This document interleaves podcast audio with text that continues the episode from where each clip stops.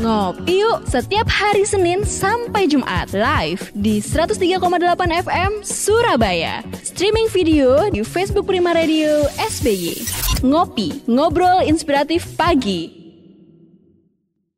Masuk di session yang kedua di Ngopi Ngobrol Inspiratif Pagi Saya Didi Adeksa bersama Ibu Husnul Munawaroh SSI Kepala SMP Islam Parlaungan kita lanjut lagi Bu, karena waktunya terbatas Oke, banget. siap. Iya.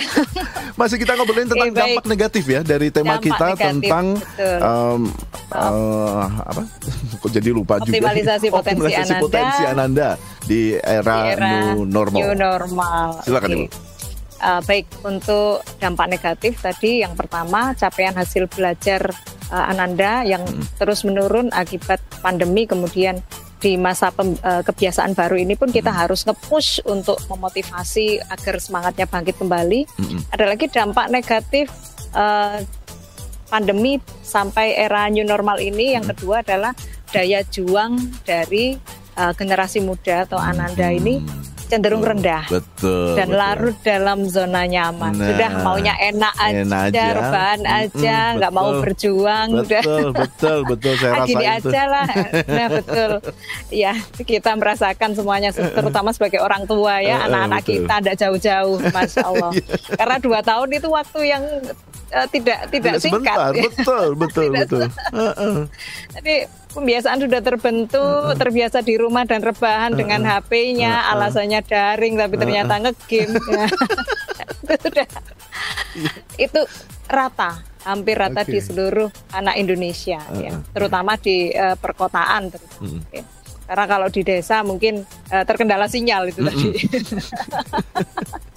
terkendala jaringan. Eh, eh. Kemudian dampak negatif yang ketiga adalah Ananda jadi kecanduan gadget. Nah, Ya, seperti yang ditanyakan Ibu Giri tadi. betul. Uh, Salah satu anaknya ada yang kecanduan gadget dan sampai sekarang belum bisa hilang kebiasaannya. Mhm. Ya, memang kebiasaan itu dibentuk lama. Nah, untuk menghilangkan kebiasaan tersebut juga butuh waktu yang tidak sebentar. Nah, mungkin tips dari saya untuk Ibu Giri adalah uh, Ibu menerapkan aturan di rumah, aturan keluarga. Jadi kalaupun Ananda tidak bisa dipaksa langsung berhenti total, Hmm. uh, Ibu batasi. Mungkin aturan dalam minggu ini uh, pegang HP berapa jam. Mhm. Minggu depan ditambah lagi dosisnya. Aturan pegang HP atau ngegame berapa jam. Hmm, Nah, ya. minggu depannya lagi dirubah step by step gitu. Karena anak-anak ini sudah sudah terbentuk zona nyaman zona nyamannya sendiri Mm-mm. gitu. Terutama di masa pandemi kemarin. Dan di Nah. masa new normal ini kita harus betul-betul uh, mem- membiasakan suatu kebiasaan baru Ya. yang mereka harus adaptasi. Karena sudah mulai PTM lagi dan lain. Nah, ini kebetulan pertanyaan ini itu. sama nih dari Pak eh, Pak Ari Firdaus yang Ada ada di, lagi. ah, di Makassar. Menyambung pertanyaan atau penjelasan dari Ibu Husnul tadi. Sebenarnya Iya. kapan sih waktu yang tepat untuk membuat aturan Ya. kapan menggunakan Hmm. gadget, kapan untuk bermain, kapan untuk berinteraksi dengan orang tua gitu. Saya Iya. sampai bingung Nah. Hmm. karena saya sendiri juga bekerja sehingga Iya. gagal juga untuk bisa memonitor setiap waktu anak-anak. Jangan-jangan ketika saya larang aturan tentang menggunakan di jam 12 siang misalnya karena mereka harus Iya. makan siang dan mereka harus istirahat, tapi saat itu saya sedang ada di kantor. Ketika saya Iya. mencoba untuk menghubungi dia, itu kan harus telepon lewat handphone. Nah, dia main handphone lagi jadinya. Iya. Silakan, iya. Bu. Jadi eh, nyambung dengan pertanyaannya Ibu Giri tadi, Mm-mm. pertanyaan Pak Ari ini kapan ya timingnya untuk menegakkan aturan tersebut? Betul. Jadi eh, yang paling tahu adalah orang tua dan kondisi keluarga masing-masing. Jadi kalau Hmm. bapak ibu eh, bekerja di jam-jam tertentu, Hmm. eh, bapak ibu eh, atau parents ini eh, mengatur atau memanage waktu yang bisa dikontrol saja. Hmm. Jadi kalau misalkan bapak ibunya bekerja sampai jam 6 sore misalkan, sampai 6 sore, berarti Ananda tidak boleh megang HP di atas jam 6 sore. Yang Oh. bapak ibu bisa kontrol gitu Oh, iya, saja. iya, iya, iya. Kalau yang di luar kontrol itu kesulitan nantinya. Daripada uh, bapak ibu marah-marah sendiri akhirnya malah pusing stres kan lihat anaknya jadi uh, buat aturan yang sesuai dengan kondisi keluarga kemudian uh, bapak ibu bisa mengontrol di rumah seperti itu jadi uh, win-win solution dan anak juga kita beri tanggung jawab kita Hmm. beri uh, kita tegakkan kedisiplinannya juga Di- Mencoba untuk mempercayai Allah. mereka juga ya. betul memberi Iya. kepercayaan Gitu. Baik, baik. ya Oke, kita lanjutkan lagi. Kita belum sampai pada Oke. titik eh, temu tentang optim mengoptimalisasi potensi. Betul Ya, itu masih latar belakangnya iya masih latar belakang tuh. iya Padahal yang tanya sudah ada satu, Iya. dua, tiga, empat. Aus, mungkin Oh, banyak ya, Pak lagi. Didi? Ya, itu. karena ini topik yang menarik di kalangan betul, para betul, orang tua Heeh. dan ini menjadi masalah yang umum hampir semua orang tua mengalami masalah seperti ini ya jadi bagaimana kita melakukan optimalisasi Pak Didi atau uh, sahabat Prima yang ada di rumah atau di mana pun anda berada yang pertama kita memotivasi anak kita kita memotivasi Ananda untuk terus belajar dan ber- berkreasi sesuai dengan potensi mereka fokus pada kelebihan mereka. Jadi eh, yang sebelumnya kecanduan gadget tadi kita arahkan ke hobinya mereka yang sesuai passionnya, yang mereka sukai dan mereka punya potensi di situ. Kita motivasi terus untuk ke arah eh, hal-hal positif tersebut, Hmm. Eh, pelampiasannya lah Hmm, istilahnya hmm, itu hmm. pelampiasannya ke arah-arah yang positif yang mereka bisa eh, meninggalkan candunya itu tadi. Ya Oke. mungkin diarahkan ke main bola, bernyanyi atau uh, main musik dan lain-lain.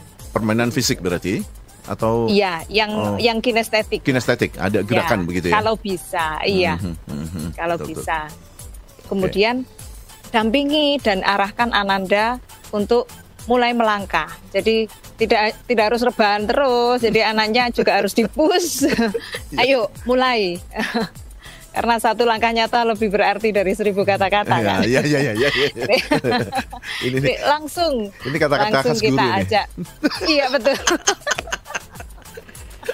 Ketahuan Iya. kalau guru ya. Jadi push anak-anak kita untuk mulai melangkah dan kita arahkan supaya mereka bisa mengambil keputusan sendiri. Tentunya Hmm. keputusan-keputusan yang baik. Misalkan Hmm, mereka memilih, oh aku suka main bola, ah aku aku mau ini aja, aku mau ikut ekstra karate atau ikut apa. Eh, semua hal-hal positif itu kita dukung dan kita dampingi, kemudian kita arahkan. Hmm. Kemudian eh, potensi-potensi Ananda itu kita adaptasikan di era new normal ini. Mungkin kalau dulu latihan karate, latihan taekwondo atau eh, dan lain-lain ya, yang sejenis itu itu dilakukan di lapangan besar dan semuanya bertemu dengan banyak orang ya. Hmm. Dan kalau sekarang harus online atau semi online atau harus bertemu hanya dengan beberapa kelompok kecil orang, yaitu kita adaptasikan. Yang penting kita terus support anak kita. Atau yang hobinya bernyanyi, kalau dulu bernyanyinya rame-rame, Hmm. ketemu banyak orang di eh, vokal grup atau apa. Hmm. Sekarang kita rekam aja sendiri di Yes. depan kamera Hmm. kita. Kemudian lomba-lomba itu kan banyak banyak yang ini virtual. Secara virtual. Jadi bisa kita dukung seperti itu. Mhm. Jadi kita tingkatkan potensi Ananda dengan memberikan tantangan. Kalau Ananda suka eh, bernyanyi itu tadi, kita kompetisikan. Jadi kompetisi itu kalau kita menanggapi dari sisi positif, kita akan menganggapnya sebagai tantangan. Tapi kalau dari sisi negatif itu ancaman. Waduh, enak-enak tidur, disuruh nyanyi, disuruh tampil, disuruh lomba, kan repot.